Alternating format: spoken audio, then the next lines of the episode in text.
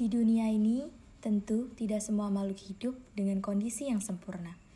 Ada manusia yang memiliki kelainan dan penyakit yang diderita, baik dari lahir maupun setelahnya.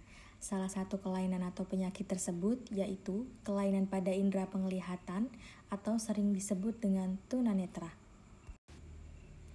Kondisi ini tentu berdampak pada aktivitas seseorang di kehidupan sehari-harinya yang menyebabkan hal-hal yang dapat dilakukannya sangat terbatas.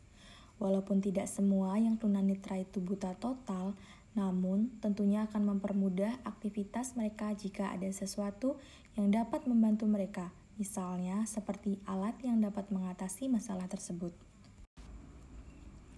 Dalam hal ini, kelompok kami akan membahas sebuah alat yaitu alat bantu tunanetra yang terinspirasi dari sensor gerak ikan pari.